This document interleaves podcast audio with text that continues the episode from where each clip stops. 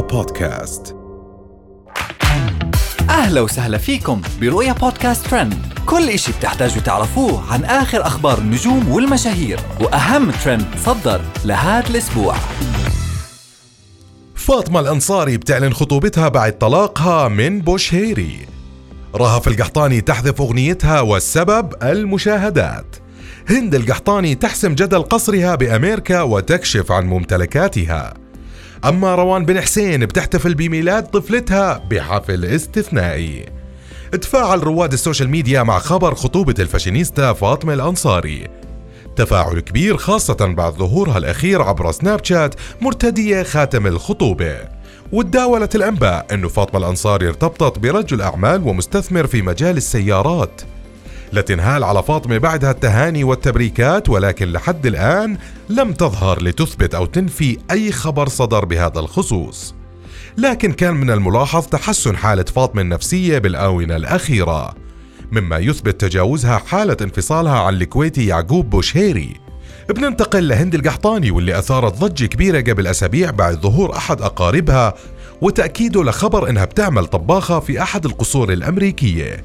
ظهرت هند مجيبة على تساؤل أحد متابعينها واللي تساءل عن ملكيتها للقصر كانت إجابة هند. ترى ما في رجال بيعطيك في هذا الكون الواسع الفسيح.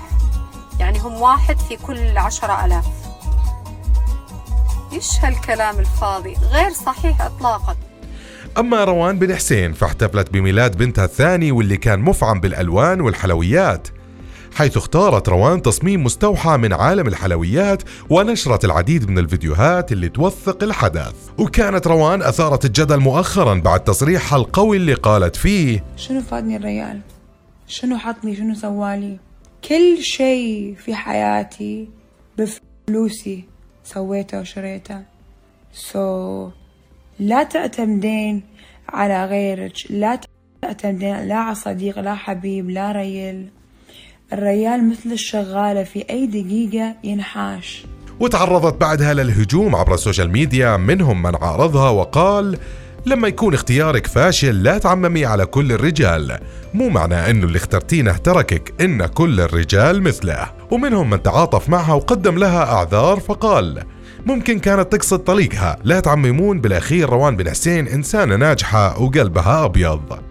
وأخيرا رهف القحطاني اللي نزلت أغنيتها الجديدة مع المنشد نواف العاصي وهاي التجربة الثانية لرهف بالغناء بعد أغنية وذ نكهه اللي غنتها بالتعاون مع عبد الله الأهدل.